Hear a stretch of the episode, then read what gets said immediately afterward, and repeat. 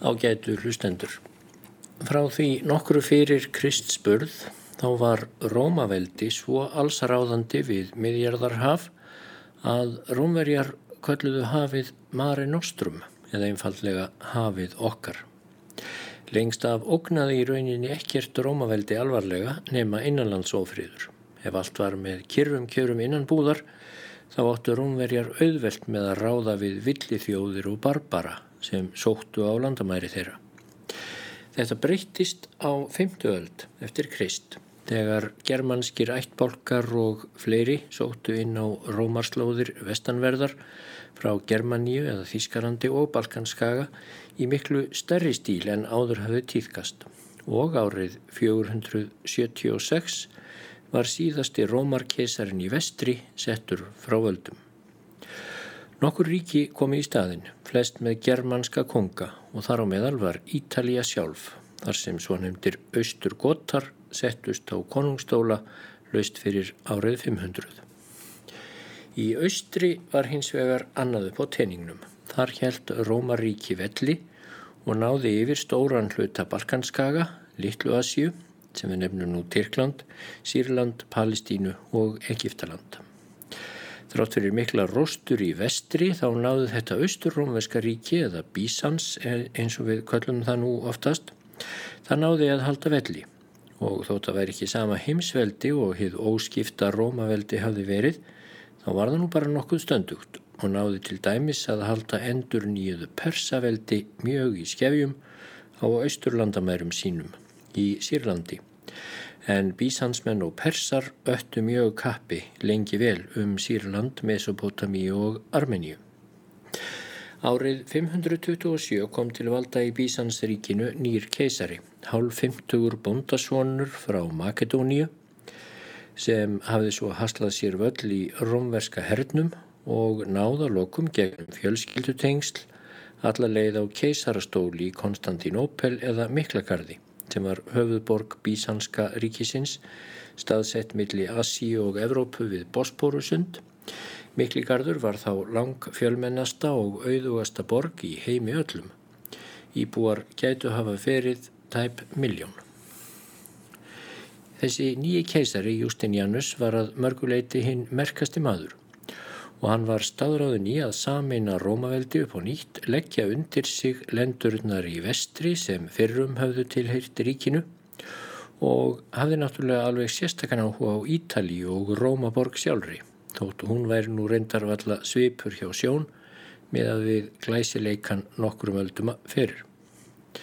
Justinianus byrjaði því að semja rándýran frið við Persa í austri, svo hann þyrtti ekki að óttast árás þaðan, meðan herir hans væru að glíma við Germanskuríkin og aðalega Östurgota í vesturluta hins gamla ríkis.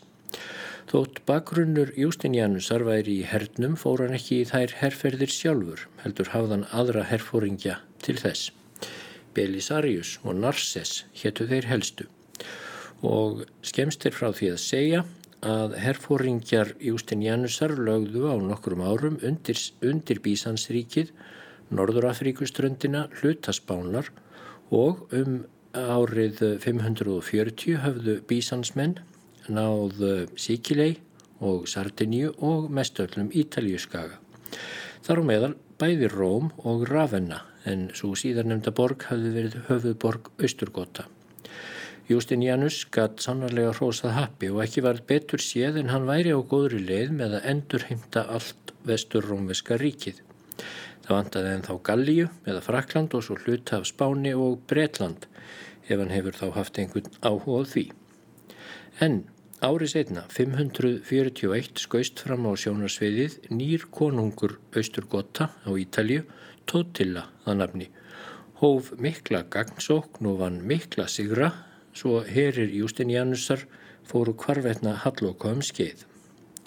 Frá því að hafa staðið með pálman örlittlu fyrr í höndunum þá máttu herir bísanskeisara nú þakka fyrir að vera ekki gera eitt eða þeir hraktir út í sjóin kringum Ítalíu.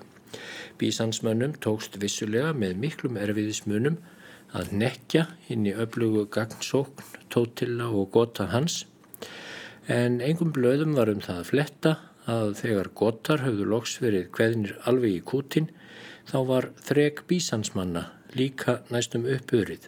Sveitir Ítalíu voru í rúst eftir atgangin og þegar ný germönsk þjóð notaði tækifærið tveim áratugum síðar og réðst suður á Ítalíu skaga, langbarðar svo nefndir, Þá varð fátum varnir og bísansmenn voru reknir frá nálega allri Ítalju nema reyndar Rómaborg sem þeir heldu allir en gen.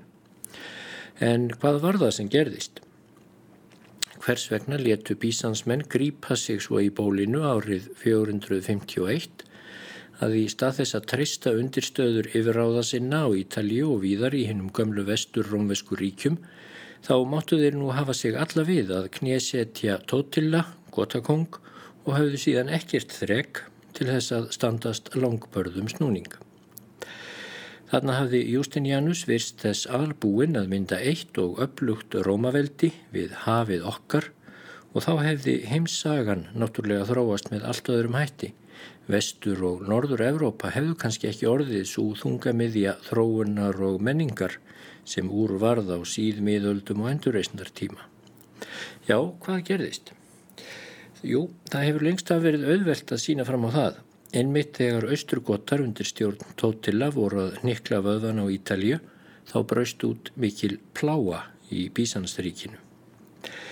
Líklega var þetta raunverulegi, fyrsti raunverulegi heimsfaraldurinn þar sem bakterían Yersinia pestis kom við sögu.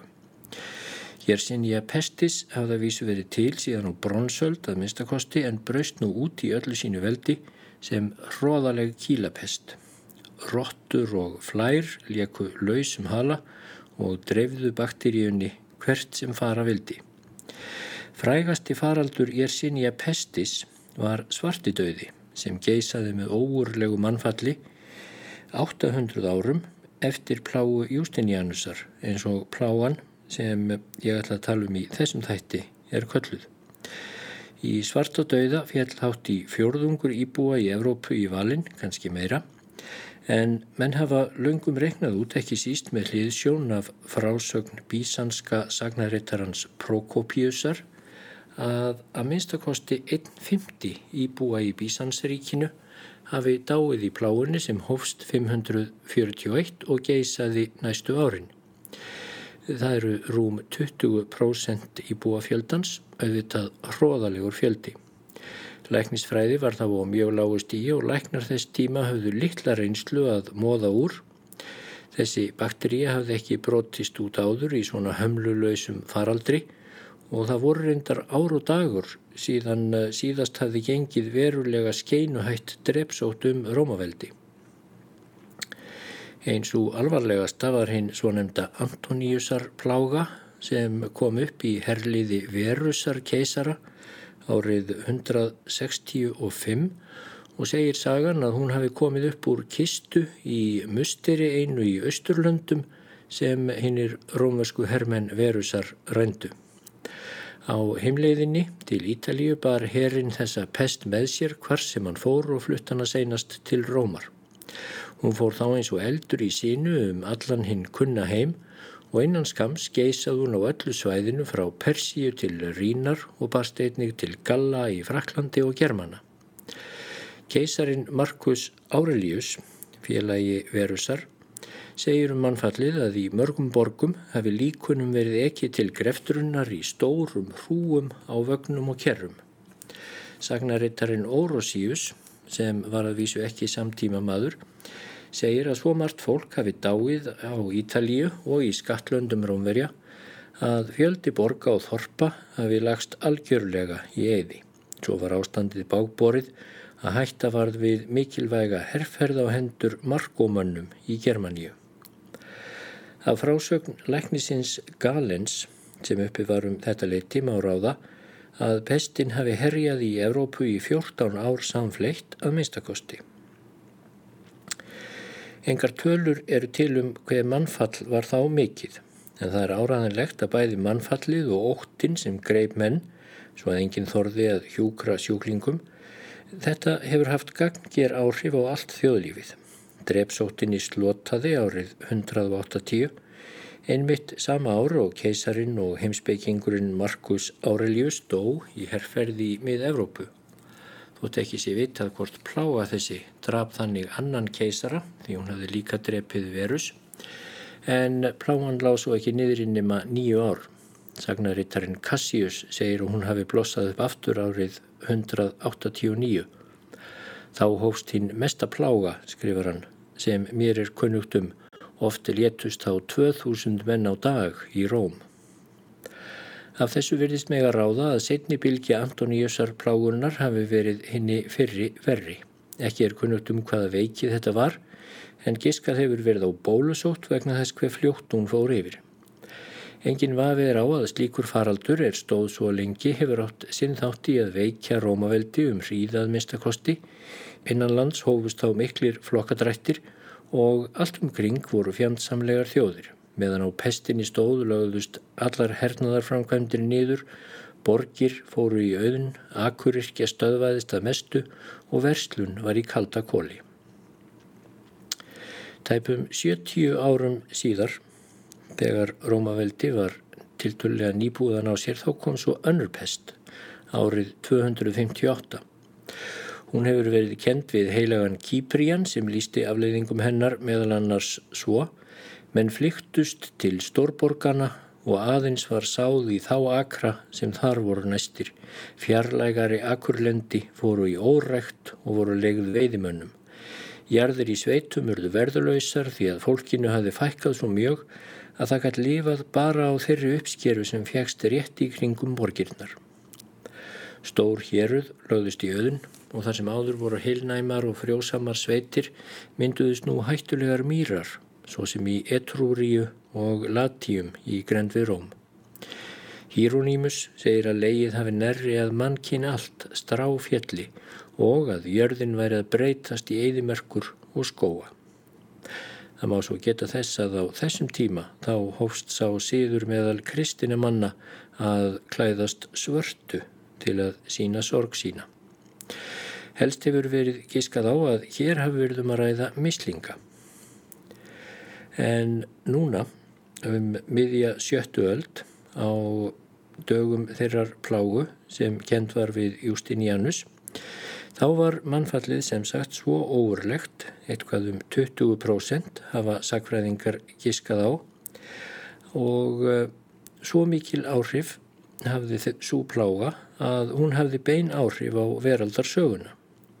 Því Justinianus og herfóringjar hans höfðu eftir herrvirki pláunar, korki mannabla nýðreg til að blása gagnsókn tóttilóti hafsauga og svo margir fjallu í pláunni að ríkið hafði alls ekki jafnað sig þessum 20 árum síðar þegar langbarðar réðust inn á Ítalju og því fór sem fór, Justinianus og ríki hans skrimti að vísu en var stórlega laskað eftir. Og það má meira segja vera hafa pláufræðingar stundum fabulerað að ef drepsóttin hefði ekki skollið yfir þá hefði Bísansríkið verið miklu betur í stakkbúið hundrað árum síðar til að verjast nýri árás. Það voru þá muslimar sunnan úr Arabíu sem lemstruðu ríkið enn frekar. Og þá hefur nú allt aldrei smart farið öðruvísi En hvað um það? Í þessum þætti ætla ég að lesa fyrir nefnda frásögn Prokopiusar í minni eigin lauslegu þýðingu. Hún hefur ekki svo ég viti komið á íslensku áður í held og vikjum þá 1479 ár aftur í tíman.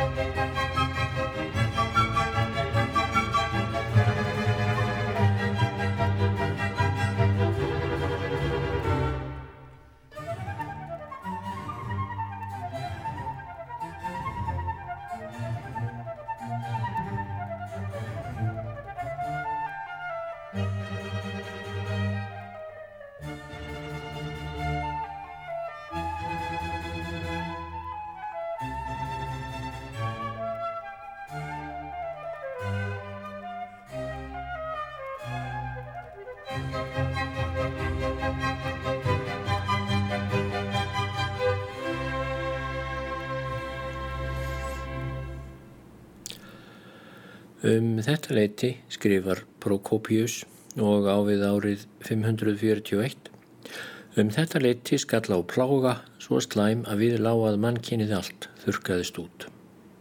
Nú er það svo að þegar himnarnir senda niður og jörðina refsinordnir sínar þá reyna djarfir menn alla jafna að finna á hörmungunum einhverjar skýringar og láta sig ekki munum að setja fram alls konar kenningar sem virðast oft þinnar gáfulegustu þó að það séu óskiljanlegar öllu venjulegu fólki og menn spinna upp hinnar fáránlegustu hugdettur í hvers konar náttúruspekki, vita ég vel sjálfur að þeir fara með tómt fleipur en láta sér á samastanda því kenningarnar duga til að kasta ríki í augum sumra þeirra sem þeir hitta á förnum vegi og taka sér fyrir hendur að sannfæra þá um vittleysuna.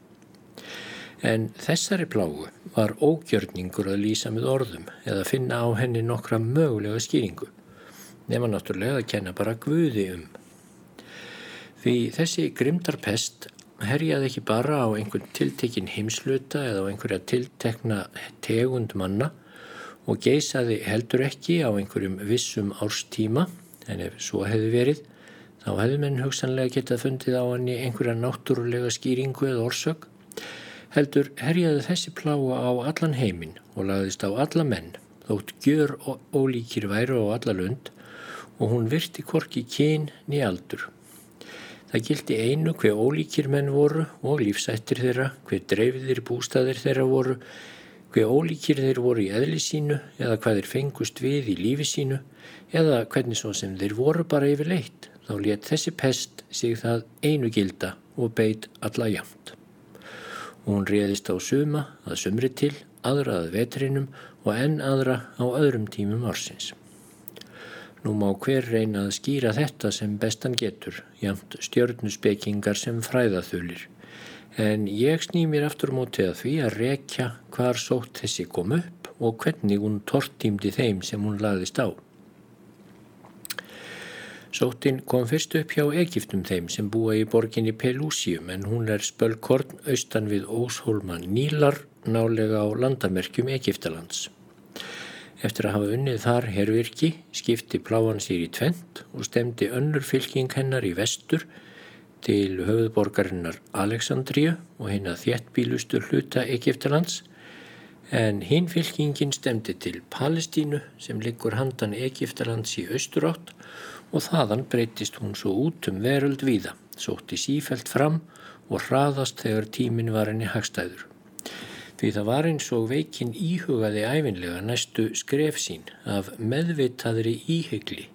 Hún staldraði við svo litinn tíma í hverju landi, virtist ekki beina heftsinni að neinum sérstökum en dreifiði sér svo í allar áttir út í hvern krók og kema heimsins eins og nóttaðist helst að eitthvert örlítið brota veröldinni kynni að sleppa undan frammi hennar.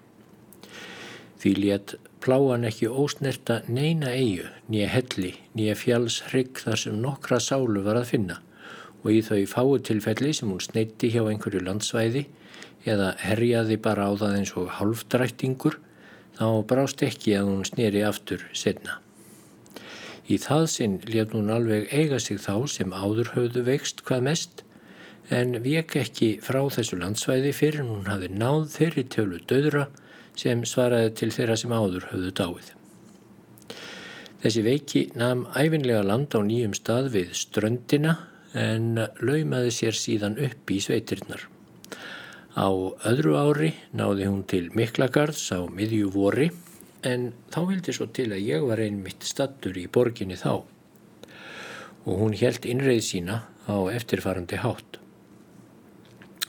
Yfirnáttúrulegar verur í líki allskonar manna tóku að byrtast fjöldamanns og þeim sem sáu þessar verur fannst að veran veitti þeim högg í einhvern líkamspartin og um leið og menn sáu þessa undarlegu veru þá fengu þeir pláuna um leið. Í fyrstu reyndu þeir sem verurnar byrtust að reka þeir á brott með því að hafa á vörum nafn hins allra heilegasta og með öðrum guðrækilegum ráðum en þetta skiljaði engum árangri, bara alls engum og ekki einu sinni kirkjugrið sem flestir flúðu í eftir að hafa séð verurnar, ekki einu sinni kirkjugriðin komaðan einu haldi og fólk fór beinlinis að hrinja niður. Svo fórað menn hættu að hyrða um neyðaróp og hjálparbeðinir í vel náinn að vinna sinna sem grátt báðu um líkn og aðstóð. Heldur lokuðu þeir sem enn voru hilbreyðir sig inn í herbergjum sínum og þóttust ekkert heyra þótt aðframkomnir vinir þeirra börðu sem ákavast að dýrum. Þeir sem inni voru óttuðust að vonum að sá sem barði væri einhver af þessum drísildjöflum í mannsmynd sem báru með sér veikina. Sumir þeirra sem pláan ásældist sáu þó ekki verur af þessu tægi, heldur byrtist heim sín í draumi, en hvort heldur var þá urðu þjáningar þeirra hinnar sömu og veran sem stóði yfir þeim í draumi reyndist jafn skeinuhætt og svo sem byrtist hinum í vöku en aðrir heyrðu rattir sem sögðu þeim að nöfn þeirra hefðu verið skráð í bók yfir þá sem ættu nú að deyja. En það skal reyndar tekið fram að meiri hluti þeirra sem vektust af pláunni voru slegnir henni án þess að nokkur sín eða draumur eða yfirnáttúruleg vera byrtist þeim fyrst. Og því sem hendi þá er vektust má lýsa svona. Fólk fekk snöggan hita, sömur í svefni og vöknuðu þannig á sig komnir en aðrir voru á göngu úti við eða eitthvað að sísla, allt mögulegt bara. Það skipti bersýnilega yngu máli hvað fólk var að gera þegar veikinni sló niður í það. Og þrátt fyrir hítan þá róðnaði líka minn ekki neitt. Nýja heldur var þann eins sjóðheitur viðkomu og ætla hefði mátt. Heldur ógst hitin smátt og smátt svo rólega að korki sjúklingarnir sjálfur, nýja læknar sem skoðuðu þá og snertu, óttuðust að ráði að eitthvað mikið væri að. Bolgur voru og littlar og yfirleitt kvarlaði vart að neinum að sjúklingurinn kynni að veri mikill í hættu og hvað þá að hann geti verið að deyja. En einmitt þá var voðin vís. Þann sama dag, í mörgum tilfellum en í öðrum tilfellum daginn eftir og stundum nokkrum dögum síðar, Þá hljóp svo mikil bolga í eitla að kíli spruttu fram á skömmum tíma, ekki aðeins í náranum heldur og í handarkreika og bak við eirun og hér og hvar á lærunum. Fram að þessu þróaðist pláan á mjög svipaðan hátt hjá öllum sem vektu söfinni, en þegar hér var komið var vegur veikinnar mjög misjafn og ég veit satt að sé ekki hvort orsökinn fyrir því hver veikin herjaði misjafnlega á fólk hafi leið í líkamsbyggingu og eiginleikum hvers og eins eða hvort einverðungu hafi ráðið vilji herrans sem leifti pláunni af staði í þessari veröld. Nú fjallu nefnilega sumir í djúft dá en aðra greip ofsa fengið æði en hvort vekja reyndist vera dæmi gert fyrir veikina. Þeir sem fjallu í dáið glimtu öllum sem þeir þekktu og vildu bara sofa við stöður öst. Ef þetta fólk hafði einhvern til að sinna sér þá borðaði það án þess að vakna en aðrir sem enginn hýrti um dói bara fljótlega af næringarskorti. En þeir sjúklingar sem æðið greip þjáðust af svepleysi og ímyndunaraflið hljóp með þá í gönur svo þeir heldu að allstaðarlægu menn í leini tilbúinir að ofsækja þá og gera útafið þá og þeir æstust allir upp og lögðu og flótta með skerandi neyðaróp á vörum. Þeir sem reynduð annars þá eruðu fljótt örmagna en það var þetta allt mjög erfitt. Því vorkendi fólk þessum aðstandendum ekki síður en sjúklingunum sjálfum. En reyndar ekki vegna þess að aðstandendurnir ættu og hættu að fá veikina sjálfa við að koma nálagt sjúklingnum. Því svo undarlega brá við að korki læknar nýja aðstandendur virtust endilega fá veikina með snertingu við þá sjúku eða dauðu og margir sem voru syngt og heilagt að grafa líksjúklinga eða sinna um þá lifandi með snertingu og í alls konar nánum tengslum, þeir virtust alls ekki fá veikina, þvert onni það sem búast hefði mátt við, þótt aðrir smituðust á skamri stundu og dóu svo bara upp úr þurru nánast. En nei, það voru sem sagt bara erfiðleikarnir við að sinna sjúklingunum sem olluð því að fólk vorkendi aðstandendum, Það var ekki lífshættan sem þeir virtust í fljótu bragði leggja sig í. Sumir sjúklingar voru svo órólegir að þeir voru sífælt að detta fram úr rúmum sínum þá þurftu aðstandendur aftur og aftur að lifta þeim upp í rúmið og reyna að halda þeim föstum þar. En aðrir sjúklingar reyndu hvað eftir annað að leggja á flókta út undir bert loft og þá þurftu að stöðva þá, íta þeim inn aftur, halda þeim föstum og loka þá inni.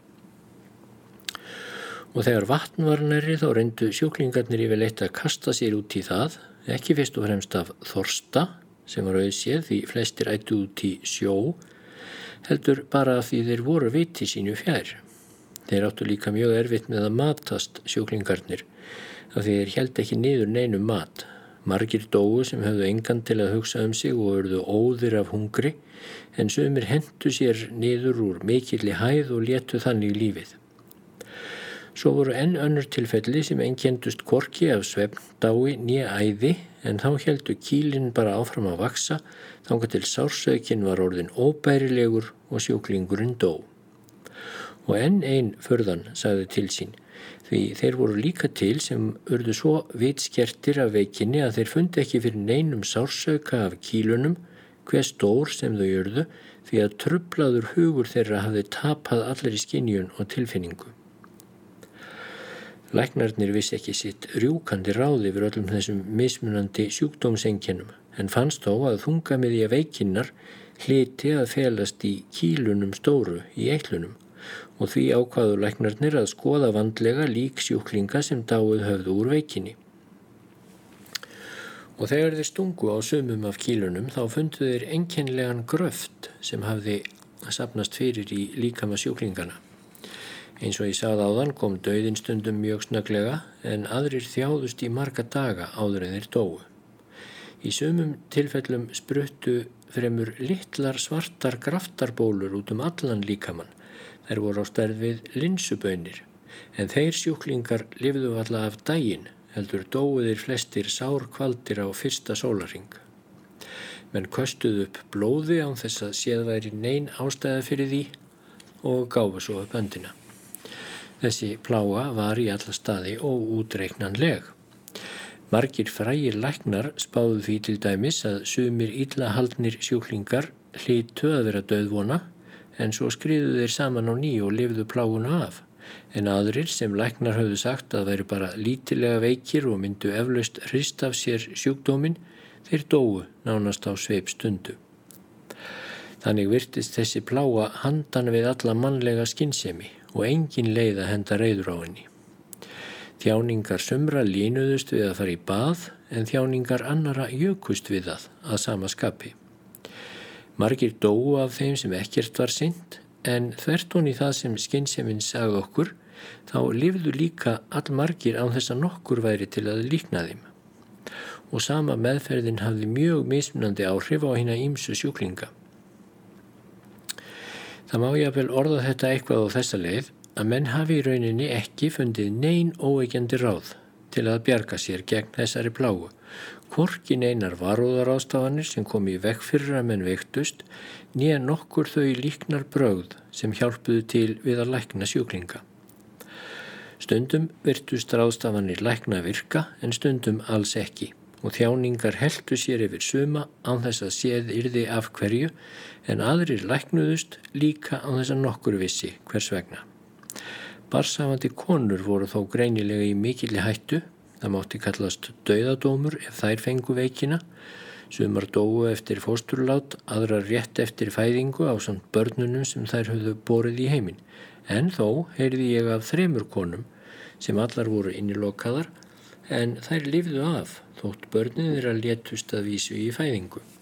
En eina konu vissi ég um sem dó á fæðingarstundinni en barniðinnar lifði af og komst til heilsu. Í sumum tilfellum gerðist það að bólgukílin uksu þar til þau voru orðin óurlega stór og þá fóru að gusast úr þeim illa þefjandi gröfturinn en þá brá svo við að sjúklingum sem þannig var ástatum virtist létta og þeir sluppu úr klóm pláunar og lifðu af svo að þannig virtust þessi tröllauknu graftarkíli svo skuggaleg sem þau voru að sjá Þau virtust á endanum merki um að sjúklingarnir ættu þrátt fyrir allt vonum að komast aftur til helsu. En hinnir, sem voru alls eftir hinnum minni graftarkílum, þeir sluppu sjaldan. og það var til í dæminu að læri vissnaði, fengjum en bolgu í eitla og fótleikina en þótt bolgan væri fyrir hendi myndaðist engin gröftur og einn furðan enn fólst í því að tungan virtist skemmt í sumum þeirra sem lifðu af og þeir eruðu annarkvort afar smámæltir eða þvöðruðu eintóma vittleysu með mestu erfiðismunum. Í Miklagarði herjaði plágan í fjóra mánuði og þaraf gekk hún harðast fram í þrjá. Í fyrstu dóu ívið fleiri en þeir sem búast mátti við að léttu lífið í venjulegu árferði en fljótlega fór dánartíðinni að hækka. Og svo hækka hún enn, en svo var komið að 5.000 manns dóu á hverjum degi og, og enn raug hún upp og þá dóu 10.000 á dag og brátt enn fleiri en það. Til að byrja með mætti fólki útfarir allara þeirra sem tilheyrðu þeirra fjölskyldu en þegar æg fleiri fjallu í valin fóru margar fjölskyldur að verða upp í skroppa með grefturunarplás og þá fóru menn að koma líkum fjölskyldumeðlima fyrir í grafísum annara. Ímist gerðu með þetta á laun eða brutust jafnvel með valdi inn í annara grafísi og komu þar fyrir líkum ættingja sinna þegar á leið ríkti algjör ringulreið og tómt ruggl í grefturunarmálum. Þrælar mistu jafnvel alla húsbændur sína en menn sem vissi ekki auðra sína tal mistu þjóna sína og þræla og lágu í mist ósjálfbjarga á sótarsænginni eða voru hreinlega döðir sem hús í borginni tæmdust alveg svo þar var gorki maður nýjum hús. Lík jáfnvel heldri manna í bænum lágu jáfnvel umhyrðu laus dögum saman og fyrir hunda og manna fótum. Auðvitað stóðað upp á Justinianus keisar að bregðast við öllum þessum vandamálum annarkvort væri nú. Hann sendi því hermenn úr hölsinni og let þá dreifa peningum til nöðstadra og skipaði Theodorusin okkur um að hafa umsjón með þessu starfi. En sá maður hafi verið kallari keisarans. Hann las upp fyrir Justinianus bænaskrár frá þegnumans og las síðan upp fyrir fólkið hver við bröð keisarans væru. Þeir sem voru ekki orðnir algjörir öreigar nú þegar áttu nú áfram að annast hverum sig útför ættingja sinna en Theodorus notaði bæði peninga frá keisaranum og einnig úr sínum eigin sjóðum til þess að greftra lík þeirra sem enginn gatt sint um. Og þegar búið var að tróðfylla öll grafís í borgarinnar svo ekki var hægt að tróða þar einu einasta líki í viðbútt, þá voru grafnar fjöldagrafir út um alla borgina hvar sem nokkurt ploss var að hafa og þar var hinnum dauðu staplað. En um leið og þessar grafir og skurðir voru orðin full af líkum og grafarar höfði ekki yngur við, þá var farið að drösla líkum upp á virkisturnana á borgarmúrnum umhverfis Galatakverfið og þak turnana var rofið og svo var líkunum einfallega hend nýður í turnin bara á nokkurar viðhafnar og þau hlóðust þar upp hvert um annað þvert þángar til allir turnarnir voru orðnir fullir af líkum og þá var þakkið sett aftur yfir þá. En fnikurinn og fílan sem lögðust yfir alla borgina frá þessum turnum öllu borgarbúum enn meiri þjáningum og kvöl, sérstaklega þegar vindurinn stóð af Galatakverfinu og yfir íbúðakverfi borgarinnar. Öllum grefturunarstíðum var kastað fyrir róða. Engin skrúðganga var látin fylgja líki sem borið var til gravar eins og þó var síður og hafði alltaf verið gert. Nýheldur voru sungnir yfir líkunum hinnir hefðbundnu sálmar. Heldur var látið duga að einn maður dröstlaði hverju líki á aukslum sér stundum bara niður að sjó og þá var líkinu einfallega hendi í sjóin og í fjörunum söpnuðust svo rótnandi lík fyrir vakkandi í stórum haug í fjöruborðinu eða þau bárust burt bara hvert sem er fyrir veðri og vindum. Nú hátaði svo til í miklagarði að borgarbúar skiptust alla jafna í tvo flokka, hinn að bláu og hinn að grænu og snerist flokkaskiptingin upphaflega um tvö lið, grænklætt og bláklætt er háðu hildi sína í stríðsvagna keppni á skeiðvellinum. En metingur og samkeppni liðan að tvekja færðust svo yfir á flest önnur svið líka. En nú lögðu hinnir grænu og hinnir bláu misklíð sína og anduð hvora á öðrum til hliðar og önnu saman og menn mættu með þeir gátu í útfarir jafnvel ókunnugs fólks sem tilherði hinuliðinu eða þá engin vissin einn sérstök deili á en slíkt hefði aldrei gerst við venjulegar kringumstæður. Ekki var nómið það heldur fór nú margir sem höfðu helgað sig síðurlausum og grottalegum nöytnum við hvert tækifæri. Þeir lögðu nú af alla léttúð og lausung í daglegu lífi og fóru að stunda trú sína og helgidóma alla af mikilli samvinskusemi. Því miður er ekki hægt að segja að þetta hafi minn gert að því þeir hafi skindilega farið að elska digðina og ástunda hana Því það er nú svo að þeir sem hafa vanið sig lengi og ég vil alla æfi á alls konar lesti, tala nú ekki um ef lestinnir eru þeim einfallega í blóðbornir, þá losna menn ekki svo létt við þá lesti nema þá helst ef sjálfur Andi Guðs kemur með einhverjum hætti yfir þá. En það var sem sé miklu frekar hræðslan við pláguna sem geysaði að fylgum ofsa umhverfist þá sem allir því að menn fóru að ástunda Guðsóta um skeið, menn voru hrættir um að dauðin kynna að kalla þá til sín hvenar sem væri og því væri digðin neyðarbrauð en ekki annað. Strax og þessir menn töldu sig vera lausa við pláuna og þyrti ekki að óttast hana lengur, þeir væru öryggir því bölfun pláunar væru nú komin yfir annað fólk, þá snýru þessir menn sér náttúrulega strax að löstum sínum aftur og gerðust að nýju jafn síðurlausir í hjarta og þeir höfðu áður verið og reyndar rúmlega það því margir þeirra gengur nú lengra í nöytnafullu og löglausu líferni en nokkuru sinni fyrir og heldu þeim nú engin bönd. Og það verður að segjast eins og satt er og á það neyðist ég til að leggja áherslu að hvort sem það stafað af tilviljun eða einhverjum gjörningum örlagana þá var eins og sóttin veldi úr hinn að verstu menn og slefti þeim lifandi en dræpi hinn að bestu. Afleiðingar þess urðu svo ljósar um víða veröld setna meir.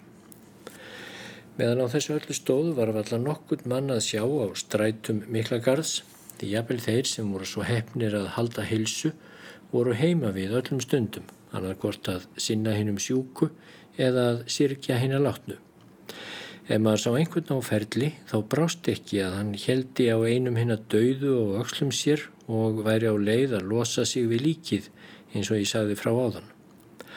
Öll vinna af öll tægi lagðist af og yðinnaðarmenn og kaupsíslumenn og vestlunarmenn og allir aðrir dróðs í hlje svo ekkert var unnið vikum og mánuðum saman. Allir voru lokaður inni heima hjá sér. Af því leiti að borg sem yfirleitt var svo blómleg og auðu og allir höfðu nóg að býta og brenna, þar braust nú út hungursneið. Þeir sem áttu nóg af brauði eða hvaða mat öðrum sem var, þeir slóðu um sig og voru öfundaður. En ímsir þeir sem sjúkir voru, þeir týndu lífinu fyrr en þeir hefðu ella gert, bara af sulti og skorti á lífsnöðsinjum sem lögðust ofan á veikindin. Og í stuttumáli sagt þá var alltaf nokkur maður í öllum miklagarði sem mátti heita að lifði eðlilegu lífi eða gengi til dæmis um í spariskikju eins og minn áttu að gera á strætum borgarinnar. Tala nú ekki um þegar sjálfur keisarin laðist veikur því Justinianus fekk líka bólgur í nára þótt hann lifði af.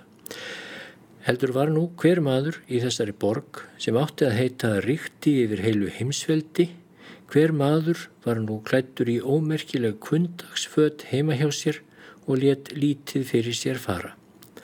Og þannig geysaði plágan um allt til rómverska ríki rétt eins og í Miklagarði. Og plágan lagðist líka yfir land Persa og yfir öll lönd Barbarana líka. За тихой рекою в березовой роще распустится первый весенний цветок,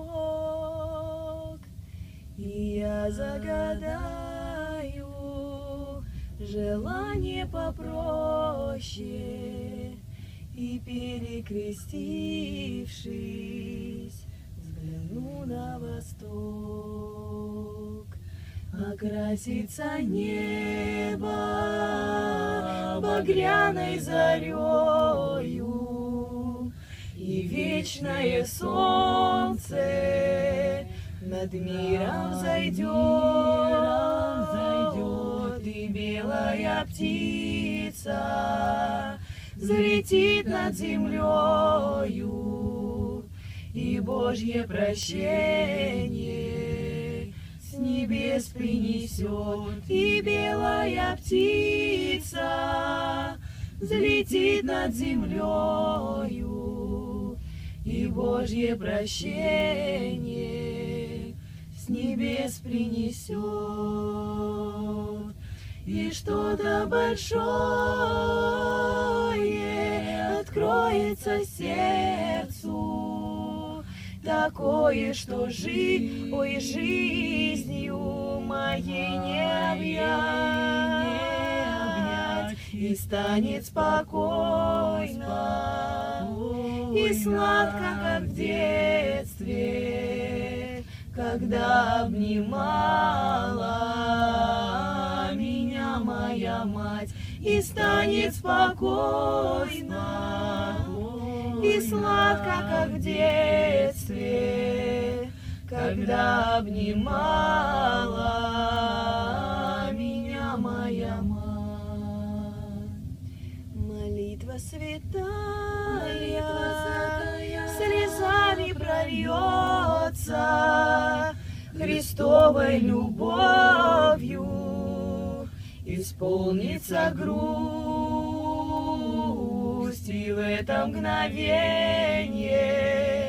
душа прикоснется к великой вселенной по имени Русь.